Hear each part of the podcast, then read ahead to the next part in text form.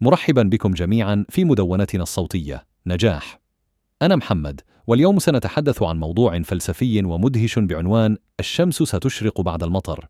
أول ما نجد حين تهطل الأمطار هو الرئة النقية والهواء الطلق، وزهور يفوق وصفها في ظل نوع ما من الجميل والجذاب.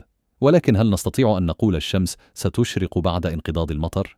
نعم، أعرف أن هذا قد يبدو غير عقلاني. ولكن اليوم سأقدم لكم الأسباب التي تدعم ذلك.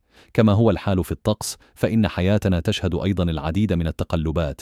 هناك أوقات نشعر فيها بالسعادة والراحة وهناك أوقات نشعر فيها بالحزن واليأس. ولكن ما نحتاج إلى فهمه هو أن الأوقات الصعبة لا تدوم إلى الأبد.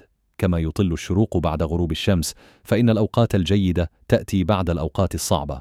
اجتزنا أوقاتا صعبة في السنوات الأخيرة مع تصاعد التحدث عن الأزمات العالمية والكوارث الطبيعية ووباء كورونا. إلا أنني أريد أن أذكركم أنه كما يعقب المطر بهجة الشمس فإن اليوم الجديد سيأتي بعد العتمة. عندما نجتاز الظروف الصعبة والتحديات فإننا في الحقيقة نقوي قدراتنا ونكتسب المزيد من الخبرة والقوة. إذا دعونا نتذكر أن هناك دائما فرصة للنجاح والتقدم حتى في الأوقات الصعبة. عزيزي المستمع، أود أن أودعكم اليوم برسالة الأمل والمحبة. تذكروا دائما أن الشمس ستشرق بعد المطر فقط عليكم أن تظلوا قويين وأن تواصلوا المضي قدما.